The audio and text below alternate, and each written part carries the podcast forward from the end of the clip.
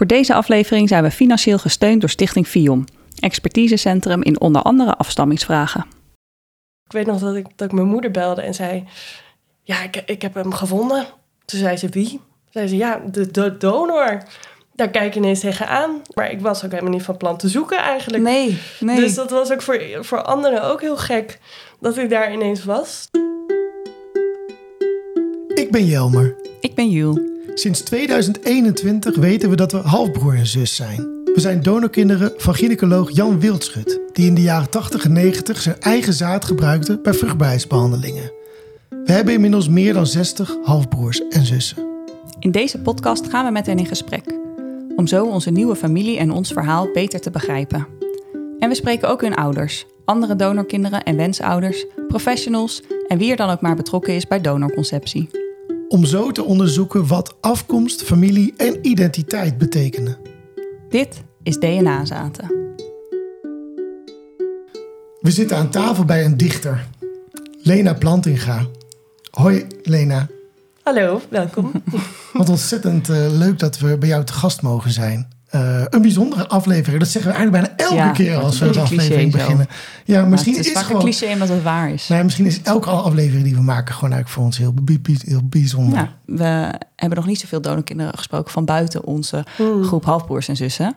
Ehm, dus dat vinden we heel leuk als we andere verhalen horen ehm, van andere donorkinderen.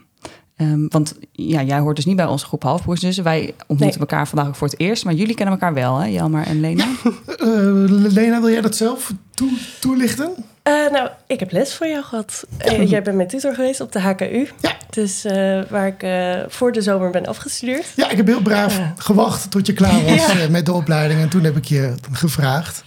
Voor want de in- podcast. Ja, want ehm, Lena, misschien eerst, nou, misschien eerst even vragen iets over jezelf. Wat, wat, wat doe je in het dagelijks leven? Eh, wie ben je? Wat moeten de, de luisteraars sowieso over jou weten? Oeh, eh, nou, ik ben Lena. Ik woon in Utrecht. Daar zijn we nu ook. Mhm. Ik vind het sowieso heel bijzonder dat jullie hier zijn trouwens. Ehm, en ik schrijf. Ik schrijf eh, poëzie, proza en voor theater. En ik heb dus gestudeerd aan de opleiding Writing for Performance, waar Jelmer mijn docent was. Ja, en verder werk ik ook op een kleine stadsboerderij hier in de buurt. Dus vandaar Oh, mijn paardrijlaars hier zo achter in de Oh. hoek. Ah, Ja, En ik heb flink moeten stofzuigen, want er was heel veel modder op de boerderij. Dus ja, deze 1300 dat? jaar wel, ja. ja, Ik ben op een gegeven moment kreeg ik een soort van eh, het idee dat wij een mogelijke thematiek met elkaar deelden. Maar dat spreek je natuurlijk niet zo duidelijk naar elkaar uit, maar door wat jij schreef, eh, met name door een, eh, een drieluik, drie gedichten die jij schreef, kreeg ik dat idee een beetje. Want je droeg, draagt het ook regelmatig je poëzie voor. En zo kwam ik dat een keertje te, te horen. Misschien is dat leuk om daar eerst iets over te vragen. Want je hebt dus eh, een drieluik geschreven uit mijn hoofd. Dat heet Vruchtbare vaders en hun lievelingsdieren. Klopt ja. dat? ja, dat klopt. Dat is Ja. eh, in 2022 ook gepubliceerd in Het Liegend Konijn. Een, eh, een, een toonaangevend eh, literair tijdschrift. Ehm, dat is misschien interessant om daar eerst even over te hebben. Want dat ging hier eigenlijk ook al een beetje over, hè? Ja, dat was eigenlijk de eerste keer dat ik echt expliciet over dit onderwerp schreef. Ja. Ja. En het ook de buitenwereld ingooide. Ja, En toen ging bij jou een lichtje branden, Jelmer, van... hé, hey, zou ze ook donorkind zijn? Ja, inderdaad. Oh, grappig. Ja, ja, want Ja, want hoe kom je er anders achter? Je? Dat ja, staat natuurlijk niet op je voorhoofd geschreven. nee, dat, Nee, tenminste ja. over het algemeen niet. want volgens mij wist ik het ook pas rond die periode van jou. Omdat toen natuurlijk het nieuws ook allemaal uitkwam Ja. en zo. Ja. Ja, maar je, stapt dan ook niet meteen naar elkaar toe van... Nee, Heel leuk. Wow, ik, kom ook uit een potje. Ik kom ook uit een potje. je weet ook helemaal niet hoe gevoelig dat Nee, onderwerp ja. voor, Voor die ander is. is. Ja. Ja, je kan niet zeggen, oh ja, als je erover schrijft, dan blijkbaar is het iets waar je wel ook over wil praten. Maar dat weet ik niet eens of dat zo is. Ja. Misschien is erover schrijven niet per se gezegd dat je dan ook eh, erover wil praten. Maar blijkbaar bij jou wel, denk ik. Een Ja. beetje. We hadden je gevraagd eh, net, voordat we begonnen, van hey, is het misschien leuk om een klein stukje uit een van, van die gedichten Mhm. voor te, te dragen. Ja, Is dat misschien leuk om daar... eh, dat zou ik Ja. doen. Ik, ik heb hem hier nu liggen. Ja, Even kijken, dus ik klap hem open. Het zijn dus drie gedichten. En de reeks heet dus Vruchtbare vaders en hun lievelingsdieren. En dit is het derde gedicht en ik zal het begin daarvan voorlezen. Eh, dat gedicht heet Stadsduiven. Stadsduiven.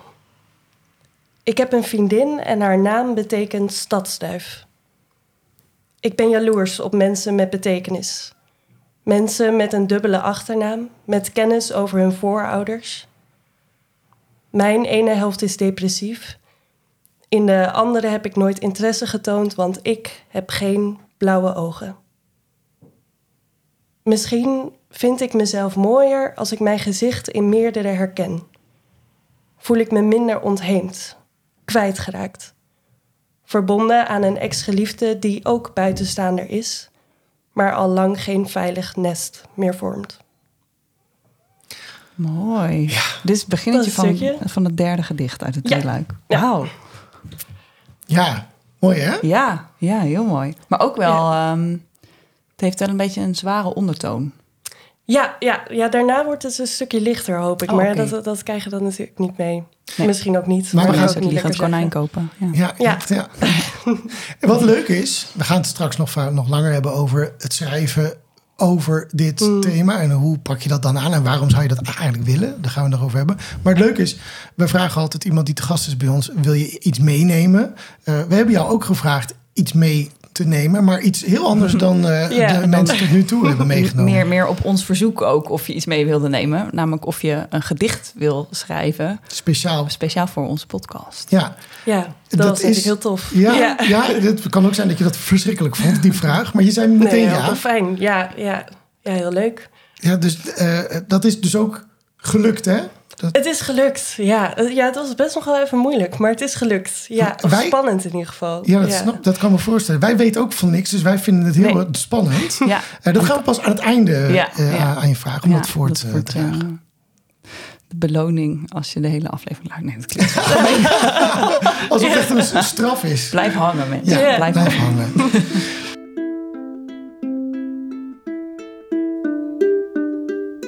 Lena, eh, daar komen we dus op terug. Maar misschien is het eh, eh, handig om jou te vragen. zo- Dat is ook een vraag die we vaker wel, wel stellen. Wat is jouw verhaal? Eh, waar is het begonnen? Van, hoe lang Ja. weet jij al dat je donorkind bent? Ik heb het altijd al geweten. Oh ja. Dus Ja. ik, ik luisterde ook de aflevering met Maria, de wetenschapper. Ja. En toen vertelde zij dat als je kinderen het heel vroeg al vertelt... dat ze vaak niet meer kunnen aanwijzen wanneer dat moment was. Ah. Dat Sinterklaasmoment. Ja, precies. Nou, wij hadden ook echt geen Sinterklaasmoment. Dus ik, ik heb het voor mijn gevoel, de hele omgeving wist het altijd.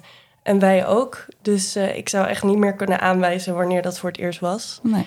Ik kan wel ook, eh, ja, we hebben er altijd ook al grapjes over gemaakt. Met de hele familie en iedereen om ons heen eigenlijk. En eh, als kind had ik altijd twee leuke feitjes die ik over mezelf kon vertellen.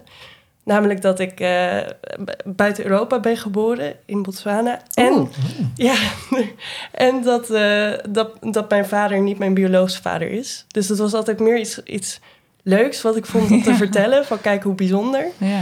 Ehm, dan Grappig, dat het ja. iets zwaars was. Of Ja. Ja, en omdat het ook altijd gewoon heel open en bespreekbaar was, kennelijk. Ja, Ja, Mm. enorm. ja.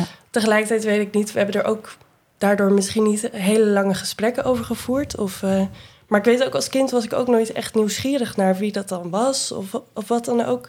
Het leek me wel altijd heel leuk dat er misschien een elftal aan halfbroertjes en halfzusjes was. Hm. Ehm, want ik heb één zusje eh, die, zeg maar, één, één zusje die ook van dezelfde donor is, waarmee ik ben opgegroeid. ja, Ehm, precies. Gewoon in jouw gezin heb je ja, één zus. Ja, ja. Ons gezin bestaat uit eh, mijn vader, mijn moeder en mijn zusje. Mhm. Ja, mijn jongere zusje. Dus, eh, maar voor ons was het altijd ja, gewoon een gegeven, heel normaal. Mijn zusje vergat het heel vaak, maar eh, Ja. ik niet. Ja. Nee, jij vergat het niet? Zat het wel altijd in je, in je hoofd Eh, ergens? Nou, ik vond het dus iets heel bijzonders. Ik vond het een heel bijzonder verhaal. En, en mijn zusje, ja, die vergeet heel veel dingen heel vaak. Dus die kon nog wel eens dingen zeggen dat wij dan zeiden... ja, maar Tosca, dat kan niet. Je hebt je lengte niet van papa. Oh zeg ja, maar. ja, ja, ja, ja, ja. Ehm, ja. ja, maar verder was het dus niet echt een ding. Nee, ik dacht altijd dat ik van Paul de Leeuw was. Oh, dat, Dat was, eh, ja. was jouw... eh, Ja, dat was mijn Bon Jovi. Volgens mij was dat eh, bij de documentaire van Kabaat, zei iemand dat. En toen dacht ik, wow, dit had ik ook. Dat was Paul de Paul de Leeuw. Ja, Ja. ja, Ja, dat is op ja. grappig. Want, Ja. want ja, het was dus ook altijd wel bekend dat je ouders een anonieme donor eh, hadden Ja. gekozen Ja. of kregen. Ja. Ja. En dat was nog net, ook mijn zusje is in 2003 geboren. Oh ja. Dus dat was nog net voordat die Ja, dat wet die- veranderde. Precies, dat je Ja. niet meer anoniem mocht. En we hebben het er wel eens over gehad over waarom ze dan hadden gekozen voor een anonieme donor. En Mhm. bijvoorbeeld niet een bekende of zo. En dat was dan omdat mijn vader het altijd eh, toch ook gek leek als je dan bij de barbecue staat met degene die, die dan dat zaad Ja. heeft getoneerd. Dat je dan toch eh, daar een soort van iets mee moet of zo. En dat begreep ik eigenlijk ook wel. Ja, Hmm. dus ik wist wel. En ik wist dus wel altijd de code die we hadden gekregen van het ziekenhuis. Ah ja. Je had het over gehad, over de, dus de H6. Ja. Hm. Dus stel je, je wil ooit met iemand kinderen krijgen... en dat is ook een donorkind. Weet ik, als kind was ik hier heel veel mee bezig. Dan kan je zeggen, oh, maar je bent toch niet van H6? Dus Ja, dat wist ik precies. wel. Want Je bent dus geen familie van mij. Ja, en we maakten altijd dus ook grapjes over... nou, dat zou je wel hebben van de H6. Oh ja, precies. Ja. Zo ging het bij mij thuis ook een beetje, ja. Oh ja, Nou, nou, dat heb je zeker eh, van die donor. ja, ja. ja. Ja, maar wel vaak over de dingen die dan niet zo leuk waren. Oh, oh ja. Ook wel meer een beetje... Oh, nou, dat eh, zal je dan wel hebben van die donor. Dat heb je niet van mij. Hoe, is dat, hoe is dit gegeven in je leven met jou meegegroeid?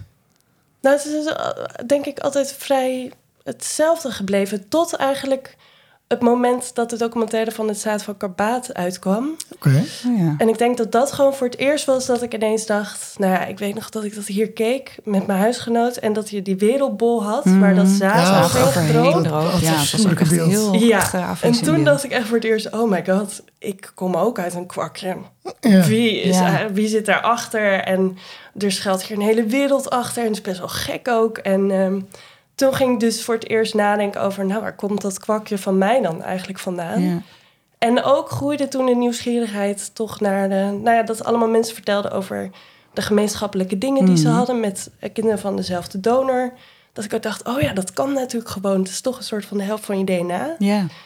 Dus toen begon dat voor het eerst te spelen. Terwijl daarvoor eigenlijk echt helemaal niet. Nee. En ehm, Dat de documentaire is uit 2021. Ja, volgens Ja. mij wel, ja. Zo, Ja. zo'n 2,5 jaar geleden, zeg maar. Dat het Ja. voor jou een beetje begon te spelen. Ja, ja. Heb jij voor jezelf de vinger erachter kunnen krijgen waarom, waarom het tot die tijd eigenlijk gewoon nooit een rol heeft gespeeld? Is het gewoon, was je te- tevreden met, met, met, met, met je ge- gezinsleven om je heen? Of, of dacht je gewoon, ook gewoon, ja, maar afkomst, daar gaat het niet, niet per se om? Wat, ja. ja, het is niet zo dat ik zeg, wat raar dat je, nee hoor, dat nee, kan nee, hè? nee, ja, ja. Eh, nou, ik denk sowieso dat het dus meehielp dat ik het altijd heb geweten. Ja, dus dat dat het is- totaal geen mysterie was. Ja, dus dat lijkt heel erg op jouw Ja, verhaal. toch? ik denk eh, dat, maar goed, dat, je kan natuurlijk nooit veralgemeniseren dat het voor iedereen zo is. Maar ik denk hoe normaler je iets maakt en hoe meer bespreekbaar iets is, hoe minder het ook een ding wordt. Omdat je Ja. gewoon denkt, oh ja, nou ja, dat is gewoon zo. En dan wordt het ook niet zo zwaar. Ja, ja, En dan neem je het gewoon aan en denk je, oh ja, nou ja, ja, het zal. Ja. Terwijl als je het heel geheimzinnig doet of als je het heel groot maakt, ja. dan wordt het misschien voor dat kind ook heel groot. Of als je daar dan heel veel over gaat hebben. Of ik denk dat je daar zelf een beetje richting in kan geven van hoe groot maken we donorconceptieverhaal. En als je het inderdaad er gewoon luchtig over kan praten en grapjes kan maken en het is altijd bespreekbaar. Ja, Ja, dan haal je ook een beetje de angel eruit. ja. Ja. En, en wij zijn een heel hecht gezin. Ja. Dus eh, Ja. daar, daar miste daar niks. Nee, precies. En, en ik Ja. lijk ook nog best wel heel erg op mijn vader qua gedrag en zo. Ja, heel veel dingen heb ik van mijn vader overgenomen. En, Hm. eh, dus, dus daarin voelde dat ook nooit... En, en qua uiterlijk lijken we ook eigenlijk allemaal op elkaar. Dus van mensen kwamen daar ook nooit vragen over. Nee. We zijn allemaal lang. Dus heel veel mensen zeggen altijd... nou, je ziet wel van wie ze er leekt heeft, zo zeg maar. Ja, ja, ja, ja. Ja, en dan zei Tosca ja. En dan nou, maar ehm, Weet je daar iets van? Is het, is het, gewoon, is het inderdaad gewoon een heel goed geslaagde match tussen de donor en, en je, je moeder geweest? Is er van tevoren aangegeven, nou, eh, vader is lang ook, ze willen ook Ja. zoiets? Of het verhaal is altijd dat ze het ziekenhuis binnenstapten... en dat toen de arts zei... nou, we hadden hier echt net een donor die lijkt enorm op jou. Oh ja? Zo, ja. Oh, dus dat, eh, ja. Dus daarom, ik dacht, Paul Leeuw is ook kaal. Dus ik dacht altijd, nou, dan moet Paul Leeuw zijn. Maar die is helemaal niet lang, volgens mij. nee, Maar, dat dacht ik eh, ook niet. ja. Nou ja, dus zo eh, was het volgens mij best een goede match, ja.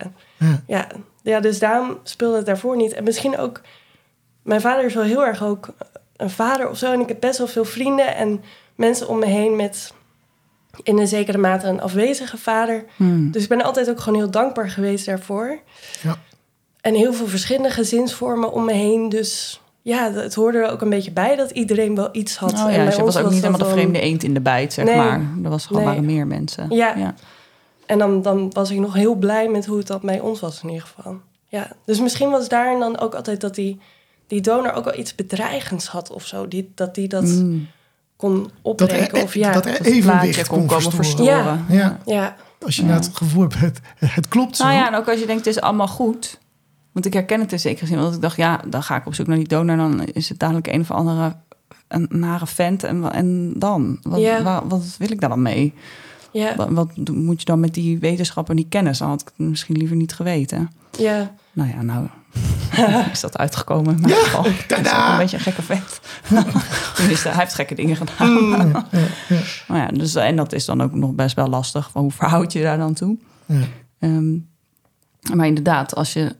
Als kind weet je soms sowieso niet wat je met volwassenen moet. Nee, dus nee, ik denk dat ook, dat ik gewoon zoiets had van... nou, ik weet al niet hoe ik met mijn oom moet praten. Laat staan dan met zo iemand. Ja, dan moet het, moet het inderdaad echt eerst... moet er ergens een soort vraagteken komen... wil je er Mm. pas naar op zoek gaan. Ja, Ja, ja. en dat kan bij jou dus Dat ook die dus. documentaire. Ja. Ja. Ja. Weet, je, weet je verder nog hoe je inderdaad dat- die documentaire zag? Wat, wat, wat zijn je eh, herinneringen daaraan?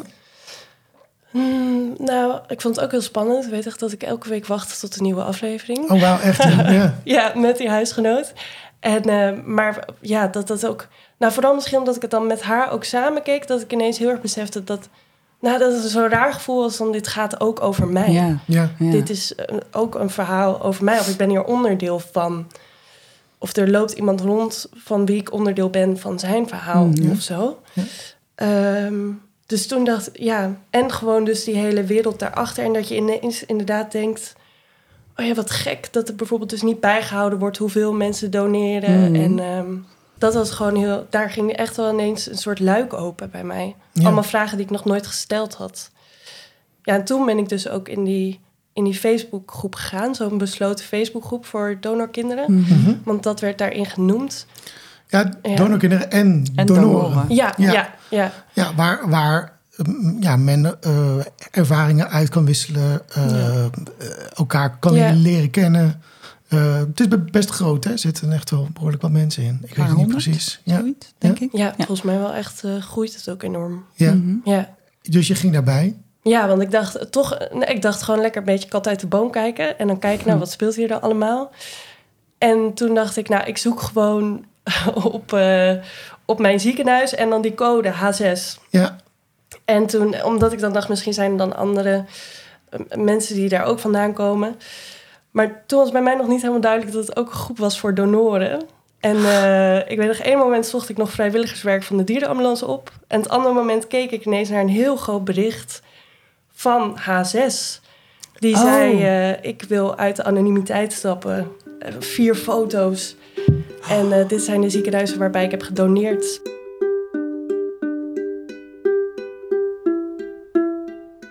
en met daar, de zat, codes. en daar zat ook Ah, het dat was van jouw donor. Ja, en dat was, dat was mijn donor, ja. Dus ineens eh, keek ik gewoon ja, in het gezicht van mijn donor. Dus dat was echt Oh, heel daar had je ook helemaal niet op voorbereid, denk Nee, ik. nee, nee, totaal niet. Had ik Nee. ook echt niet verwacht. Weet je nog hoe, hoe, hoe, hoe je erbij zat?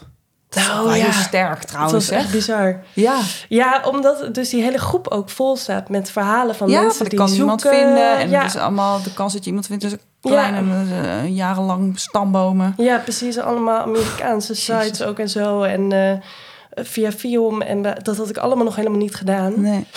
Dus dat, dat was echt heel weird, ja. Ja. En ook echt wel een soort shock. Ik weet nog dat ik, dat ik mijn moeder belde en zei... Ja, ik, ik heb hem gevonden. Toen zei ze, wie? Zei ze, ja, de, de donor. Daar kijk je ineens tegenaan. En niemand had ook... De, zeg maar, ik was ook helemaal niet van plan te zoeken eigenlijk. Nee, nee. Dus dat was ook voor, voor anderen ook heel gek. Dat ik daar ineens was. Dus dat was... eh, ja, dat was wel echt schrikken. Zag je het, zag Ja. je het direct?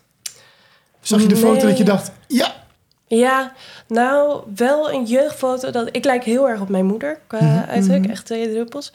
Maar wel bijvoorbeeld dat ik ineens dacht... wow, dat is mijn zusjes neus. Oh ja. Oh my god. Ja, en, en die blik. Ja, maar verder zag ik ook direct... Dacht, ja, het is gewoon een man van middelbare leeftijd. ja. Ja, Ja, het is wel een vreemde man. die dus ik dat, ja, dat is ook gek of zo. Ja, Maar ja, dat raar is, dat, ja. want het is een soort gekke tegenstelling in... Het is gewoon een vreemde man die ik niet ken, maar ook ja. ergens heel nabij en intiem, want we delen de helft van ons DNA. Dus het is een beetje gekke... ja, en daar had ik dus nog nooit over nagedacht. Ja. En ineens stond dat daar dan zo. En ook dat, nou ja, ik, ik droom dus altijd wel van een elftal aan, eh, Ja. aan halfjes, zeg maar.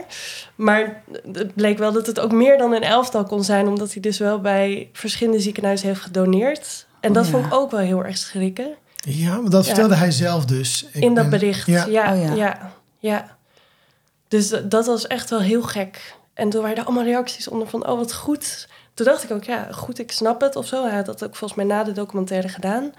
Dat hij uit de anonimiteit Ja, stapte. dat hij uit de anonimiteit stapte. Maar ik had ook meteen zoiets van, oh, oh my god, wat moet ik hiermee Ja. nu Ja. dan? Ja. Want inderdaad, wat jij zegt, terwijl je nog nauwelijks had bedacht überhaupt op zoek te Ja. gaan. Ja. En nog voordat je de zin hebt af kunnen maken, krijg je alles ongeveer Ja. wat je... Ja. Dan heb je ook ineens eigenlijk even helemaal geen regie Ja. over Ja. welke info jouw kant op komt. Nee. Toch als je een beetje denkt van, oh, zou ik misschien eens gaan zoeken. Ja. Mhm. Als je nog een beetje in dat stadium zit. En dan is het ook veel meer vanuit jou. Ik ga op zoek naar die donor, maar nu was er ineens... Ja. Hoppa, Ja, hier is ja, alles. ja. ja. Ja. dus dat was heel weird. En toen heb ik bij Film ook eh, mijn DNA ingestuurd. En Mhm. dan moet je altijd flink even wachten. Dus, dus dat, dat moest nog, hè? dat hele traject moest Ja, gewoon ja, nog ja. starten. Dat was ook wel, ja, Ja. oké. ja, en Ja. toen dacht ik ook, nou ja, laat ik het dan maar bevestigen. Ja, want je wilde het wel Dus, met eh, DNA bevestigen. Want dat is natuurlijk ja. ook heel... Uit heel veel dossiers staat wel een code, maar dat, blijkt blijkt, ook helemaal niet de donor te ja. zijn. En Ja. waar Onze halfzus Petra is daar een goed voorbeeld van. Die werd al gematcht aan haar donorvader, maar dat bleek toch helemaal niet haar Oh, donorvader. Ja, ja, ja, oh jee. ja. Ja, en Maar hier bleek zijn het wel met eh, te DNA kloppen. bevestigd. Ja, ja, ja, ja. we zijn DNA bevestigd. Ja. Dat was nog wel, dat duurde denk ik God. nog wel, wel een week of zes, zeven denk Oh, ik. of zo. zeker. In mijn, Langer nog voor wel? mijn gevoel echt al meer dan Oh, maanden. kan ook dat zijn dat het langer Meest- duurde. ja, Hè? Dit- Ja, volgens mij was ik toen ook echt eh, dus in het hoogseizoen. Ah, Van, omdat hoogst- iedereen na die documentaire dacht... ja. nou, ik ga hier Ja. toch maar even iets mee doen. Eh, Ehm, eh, ja. Hoe was dat in die tussentijd? Eh, dat is een soort raar... Want heb je, hem, heb je contact met hem gezocht? Nee, echt pas nadat Vion het had bevestigd. Oh, ja. En toen ook eerst via Vion.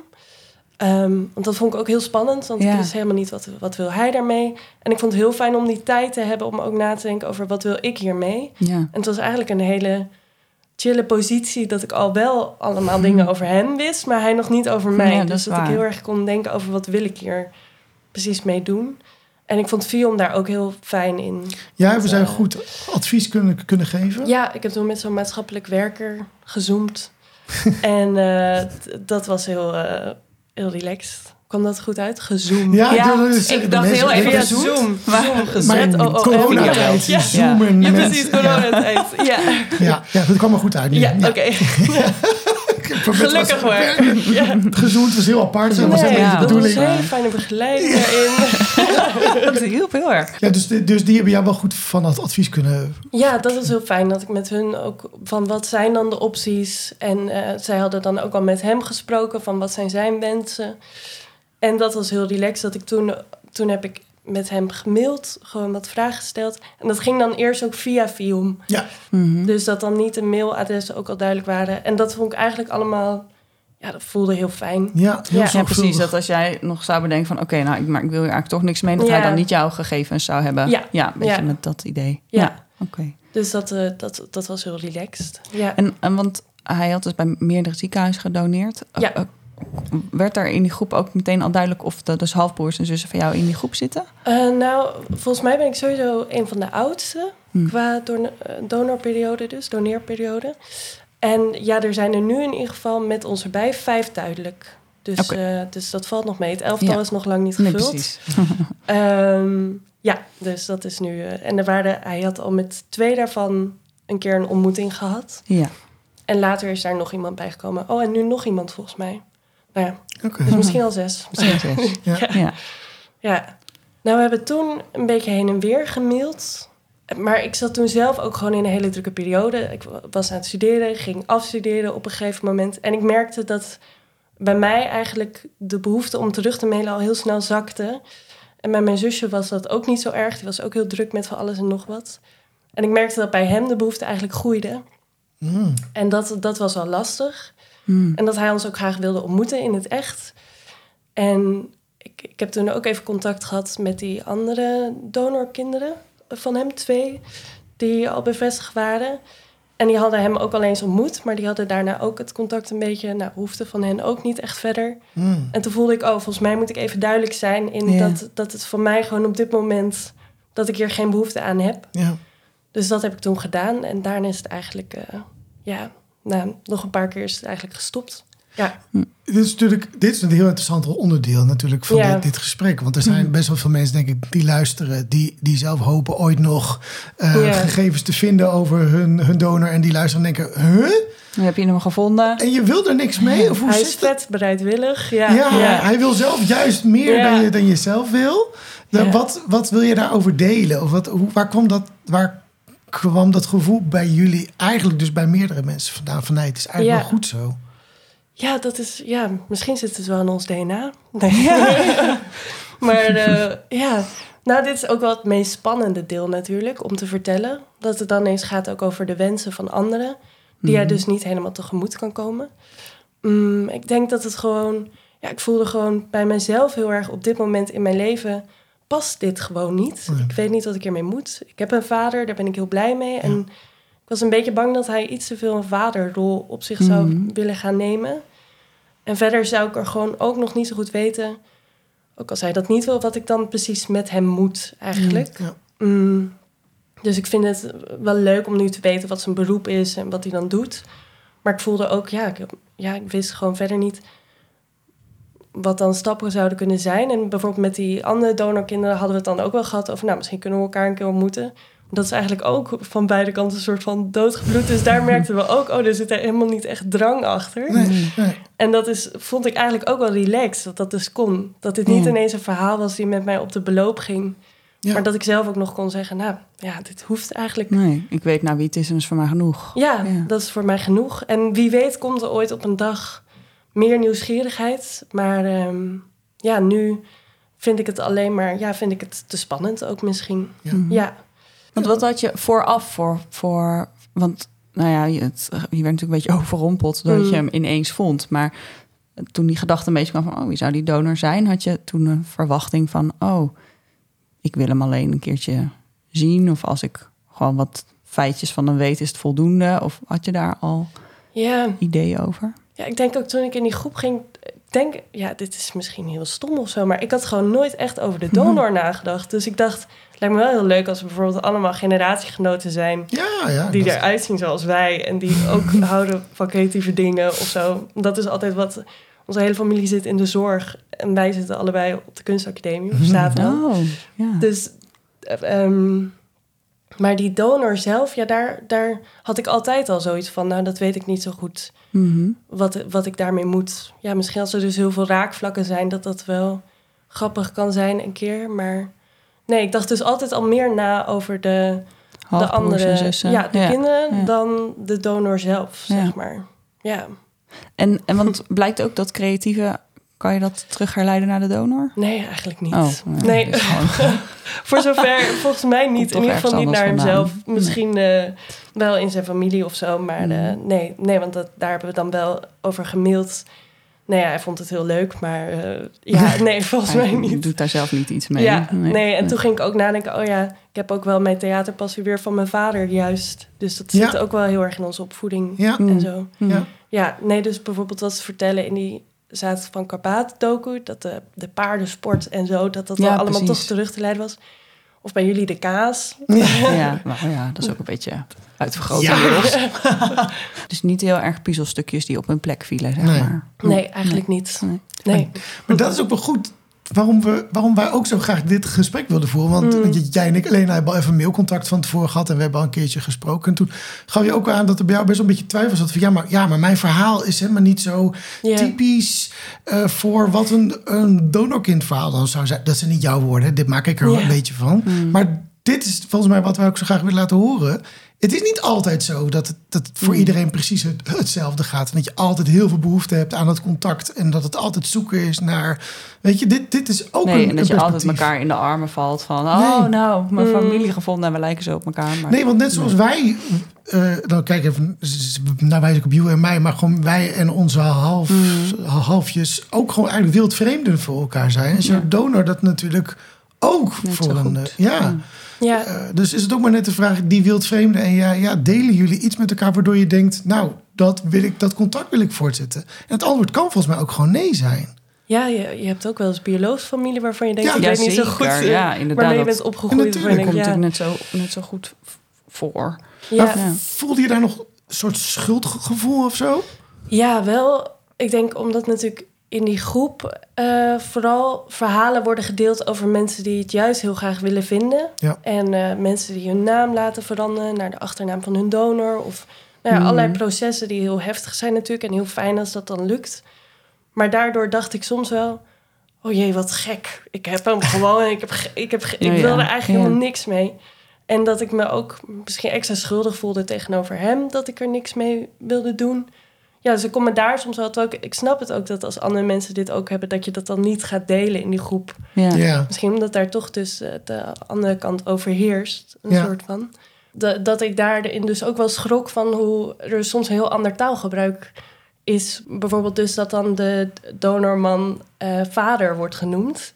En dat is altijd zelf iets wat ik wat heel onprettig voelde voor mij. Ook als dus vrienden zeiden, wie is dan je biologische vader? Dat ik dacht, oh vader, ja. vader. Het is een donorzaadman. Geen vader. Zo. Donorzaadman. Ja, dat, zo noemden wij het gewoon altijd. Ja. Dus De ehm, donorzaadman. de donorzaadman. Dus dat ik dat soms wel lastig vind als mensen er juist heel erg op hameren om het vader te noemen. Ja. Dat ik dan denk, ja, maar voor mij voelt dat helemaal niet Oh ja, zo. maar het is toch gewoon je vader? Nee, voor ja, jou niet. dan denk ik, ja, ik, ik heb een vader en die is echt heel erg mijn vader. Ja, het, Ja. is een, Dus een het is een woord hè, en een woord heeft betekenis. En betekenis Mm. is maar net afhankelijk van wie de, de woordgebruiker is en wie de ontvanger is. Mhm. Eh, en dat verschilt zo per persoon. Ja, Eh, dus ik snap ook soms de, de behoefte van mensen wel om duidelijk te maken.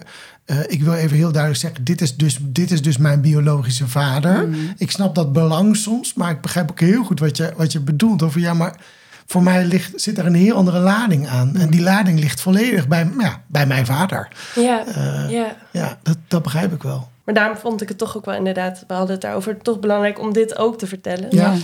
Ja, Ik vind dat heel erg fijn. Dat dat ook eh, eh, dat dat verhaal, dat dat geluid ook kan, kan Ja. klinken. Omdat ik denk Mm. dat het gewoon absoluut na, naast elkaar kan bestaan. Eh, dit is niet gezegd dat, dat, dat mensen die juist extreme behoefte hebben aan, aan heel veel weten over de donor of, of daar ook contact mee hebben, dat dat raar is. Helemaal niet. Dat is ook heel erg begrijpelijk. Mhm.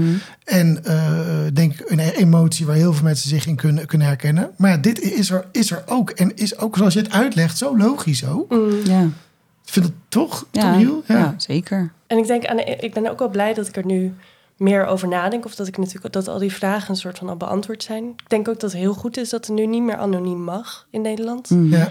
En daarin is het heel fijn dat hij uit de anonimiteit is gestapt al. Ja. Ja, want dat is natuurlijk, ja, dat zeg je. En je ja, volgt ons volgens mij ook, dus je, je Mhm. luistert onze gesprekken. Dat niet meer an- anoniem mogen, zit een, een, zit een kanttekening aan. Dat, is, Mhm. dus, ja, dat is formeel zo, maar ehm, tussen de, de regels door kun je naar, naar Denemarken toe. En uiteindelijk is het maar net de vraag of de. Ja, jullie zijn een Nou voorbeeld. ja, dan is het niet anoniem. Je kan, geen, je kan in Nederland geen anonieme donor daar krijgen. nee, dat klopt. Maar je weet dan niet in- hoeverre iemand over 15 jaar nog open staat voor contact. Maar je weet En dan, vindbaar is. ja, ja, maar je weet dan in principe wel al een beetje wie het is. Ja, Al je hele Als leven. dat Maar goed, je kan natuurlijk ook naar. België gaan voor een behandeling. En dan krijg je wel een anonieme donor. Mm. ja, ja. ja. Geen tip dit, maar... Nee. Niet zo van, nou bedenk die opties. Ja, ja. Doe dat niet. Nee, Ja. Maar jij bent een voorbeeld, Lena, eh, eh, van iemand die dit vanaf haar, haar vanaf de jongste tijd al weet. Ja, Eh, en, en, en, en het wordt mij wel heel duidelijk door wat je vertelt, hoe prettig het is dat, dat je dat als, als jong kind al weet. Hoe zie je dan, dan de kans die je ervoor krijgt om dat, een, om dat te normaliseren, om dat een plek in je leven te geven dat voor jou, eh, waardoor het voor jou oké voelt. ja. Ja, misschien was het nog makkelijker als er dus ook een soort... Nou, dit is H6 een Ja. gezicht Ja, en eh, dit is wat Ja. hij doet. Dan Ja, want je- nu ja. wordt het alsnog toch weer een beetje een Sinterklaasverhaal. Maar dan Ja, pas ja. eh, de twintig nog wat jaar later. Ja. Als je in één keer ploep oppopt op je computerscherm. Ja. En dan denk je, Ja. oh, dat is Sinterklaas? Dat is ja, Sinterklaas. ja, ja. Ja. ja. Ja, dat is toch niet. Paul de Leeuw. Was ik kaal? Ja, Ja, ja. oh, wel kaal. Dat had je goed uh, aangevoeld. Vinkje. Ja, ja. ja, dus dat is, eh, ja, inderdaad. Ja. God, ja. ja, maar geen zanger en, eh, Nee. en niet homoseksueel. Ik dacht altijd dat alleen homoseksuele mannen doneerden. Oh ja? Geen idee waarom, maar dat was mijn redenatie als kind. Van ja, Ik, Ja. denk, ik denk zelfs dat dat. dat, dat, dat nou, maar dat weet, dit is nu echt een enorme aanname die ik hem niet weet. Maar dat het volgens mij werd er, er werd er best wel in de jaren 70, 80, misschien 90 gewoon nog wel gezocht naar donoren die zelf een stabiel Ja. ge- gezinsleven hadden. Maar dat was ook een beetje als bewijs van... zie, jij bent dus vruchtbaar, dus jou kunnen we als donor gebruiken. Ja, dat was in het allereerste begin ja, zo. ja. Ja. dan, dan moest je zelf al kinderen hebben... want dan had je bewezen, ik kan Oh ja. gezonde kinderen maken. En dan, maar ik weet niet of dat in de jaren negentig ook nog... Nee, dat weet ik ook niet. Nee, dat Nou vind ik dat op zich ook wel... Want dat vond ik ook lastig dat hij geen eh, wettige eigen kinderen heeft. Oh ja, Oké. oké. dus, eh, dus dat ik nou niet- altijd dacht... Oh, dan snap ik dat je misschien sneller Ja. toch een vaderrol Ja. wil aannemen. Ja, ja. Ehm, terwijl misschien als je dan ook kinderen hebt... dan weet je misschien ook meer wat het betekent om te doneren. Of eh, Ja. eh, Ja. ja. ja, dat het misschien voor hem toch ook wel een soort leegte is of zo. Een soort Ja. verlangen van weten... wie zijn er op de wereld gekomen dankzij mij. ja, Ja. die dan wellicht zo later ineens oplopt. Ja. Maar goed, dit weet ik allemaal niet. Nee, nee. Zeker natuurlijk. Nee. Ja.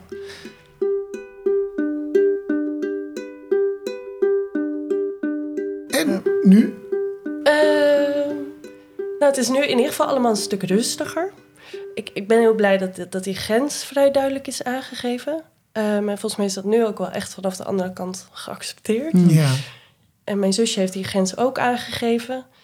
Ehm, ja, we kregen laatst dan nog een mail of zo'n online profiel kunnen aanmaken. Zodat als er dan nieuwe donorkinderen bijkomen, dat, ze dan, eh, ja, dat er al een soort van lijstje met vragen Oh, en antwoorden is. Zodat ze weten wie de anderen zijn. Ja. Dat is goed om te doen. En verder voel ik gewoon heel erg, ja, ik heb eh, zin om op andere dingen te focussen. Ja, precies. Ja. En dat, eh, dat- even on hold. Ja, ja. Ja. en dat ga ik lekker doen. En Ja. dan, eh, dan zien we het wel weer, ja. Is dat dan zo'n uitnodiging voor deze podcast? Dan zo'n moment dat je denkt, dat je denkt oh, moet ik, het, moet ik er weer heel erg over gaan hebben? Moet ik erover na, nadenken?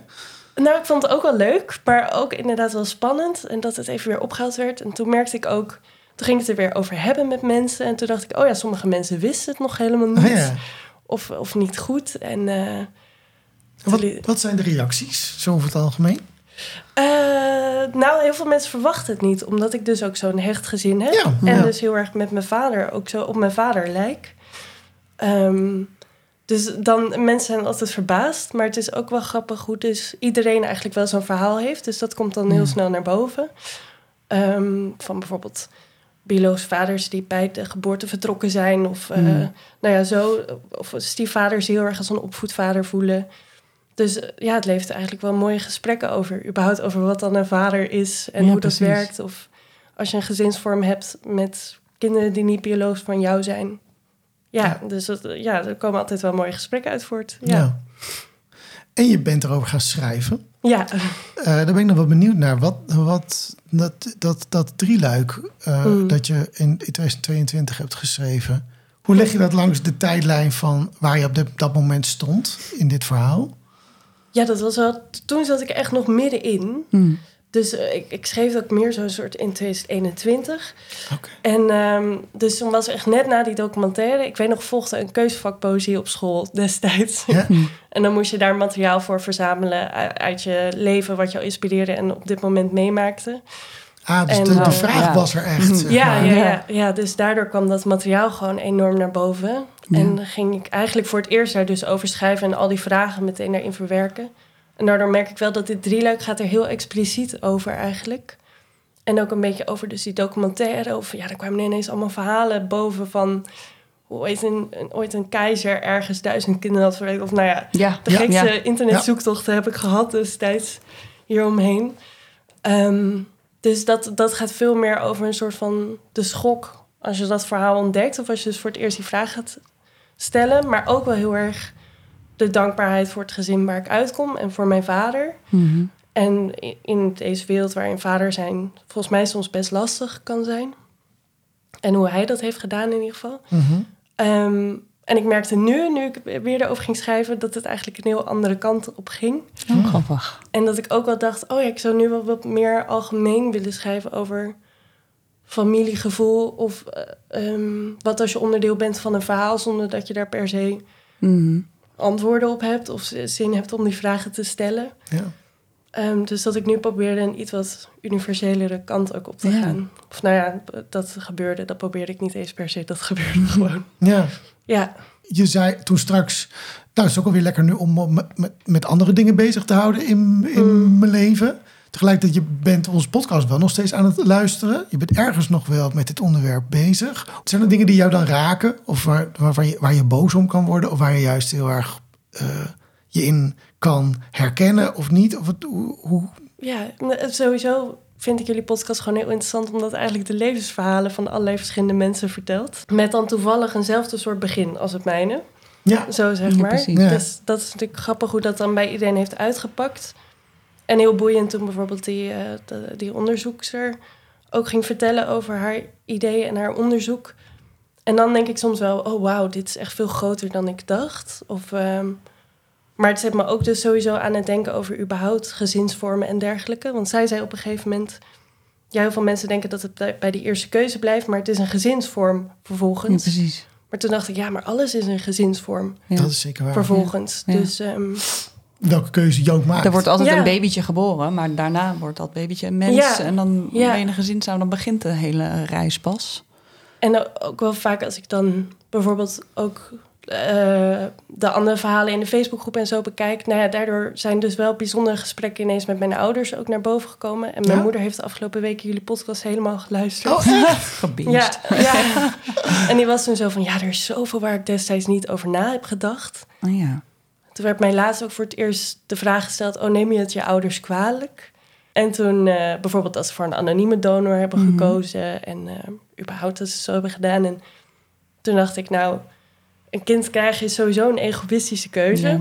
Mm. Ehm, en vervolgens denk ik dat zij het heel goed hebben gedaan. Dus nee, dat, van dat soort woorden vind ik eigenlijk totaal geen sprake. Nee. En dat vind ik soms ook wel lastig als daar heel hard dus, eh, over gesproken wordt. Ja. Ehm, ja, nee, dus ja. Zo zet het me wel, ben ik dus een soort sluimerend wel bezig met deze vragen, maar dan meer in een soort grote context buiten mijn eigen verhaal, zeg maar. Mhm. Ja, en dat is, dat is heel fijn, heel interessant. Maar op een gegeven moment voelde ik ook van, nou, als ik, ja, ik mag dit ook laten rusten. Ja. ja, ja. Je hoeft er ook niet per se iets mee. ja, Nee. ja en dat, dat, dat was een heel fijn gevoel. Ja. Je hebt ook dacht- gewoon je leven zoals het nu is en je bent wie je bent en je hebt de mensen Ja. om je heen. En zo'n afstuderen en net na afstuderen is al chaotisch Ja, genoeg. ja, dus zeker. eh, ja, Ja. Dat is, eh, ja, het is fijn om dit dan ook een soort plek te geven. En dat heeft het nu wel. Ja.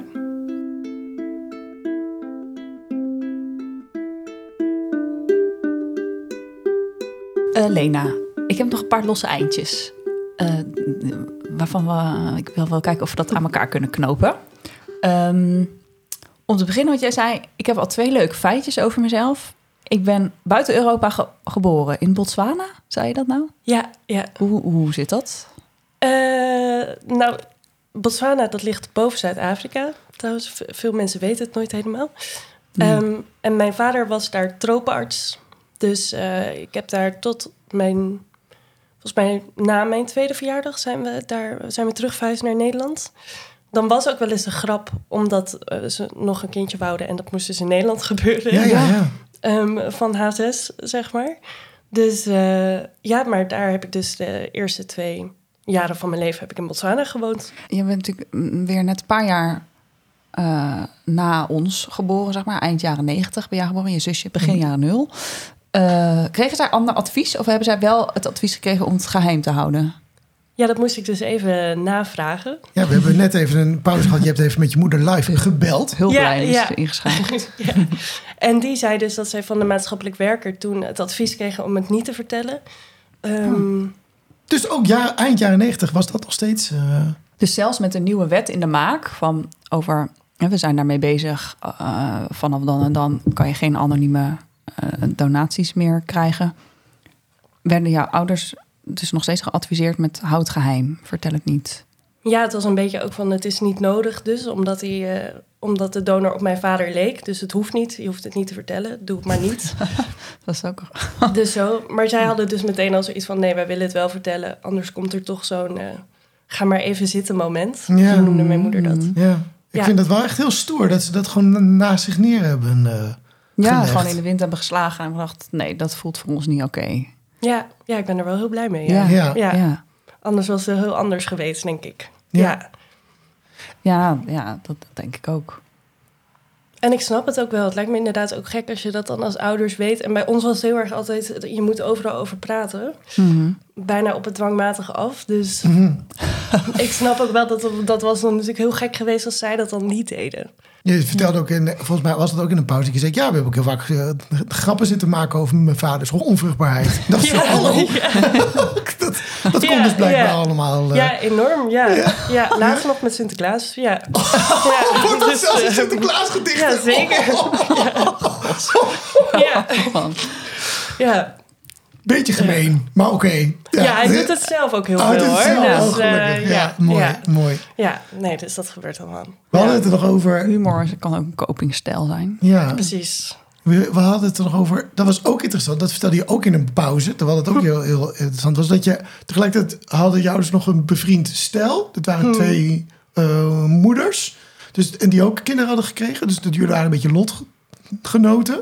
Ja. Maar je zei dat je heel lang een beetje bang was voor de manier waarop hun donor eh, bekendgemaakt was. Of hoe- Ja, nou in mijn herinnering was het dus zo dat zij hadden drie kinderen en dan hadden ze afgesproken als de oudste dan tien werd, volgens mij, dan zou ze onthullen wie de donor was.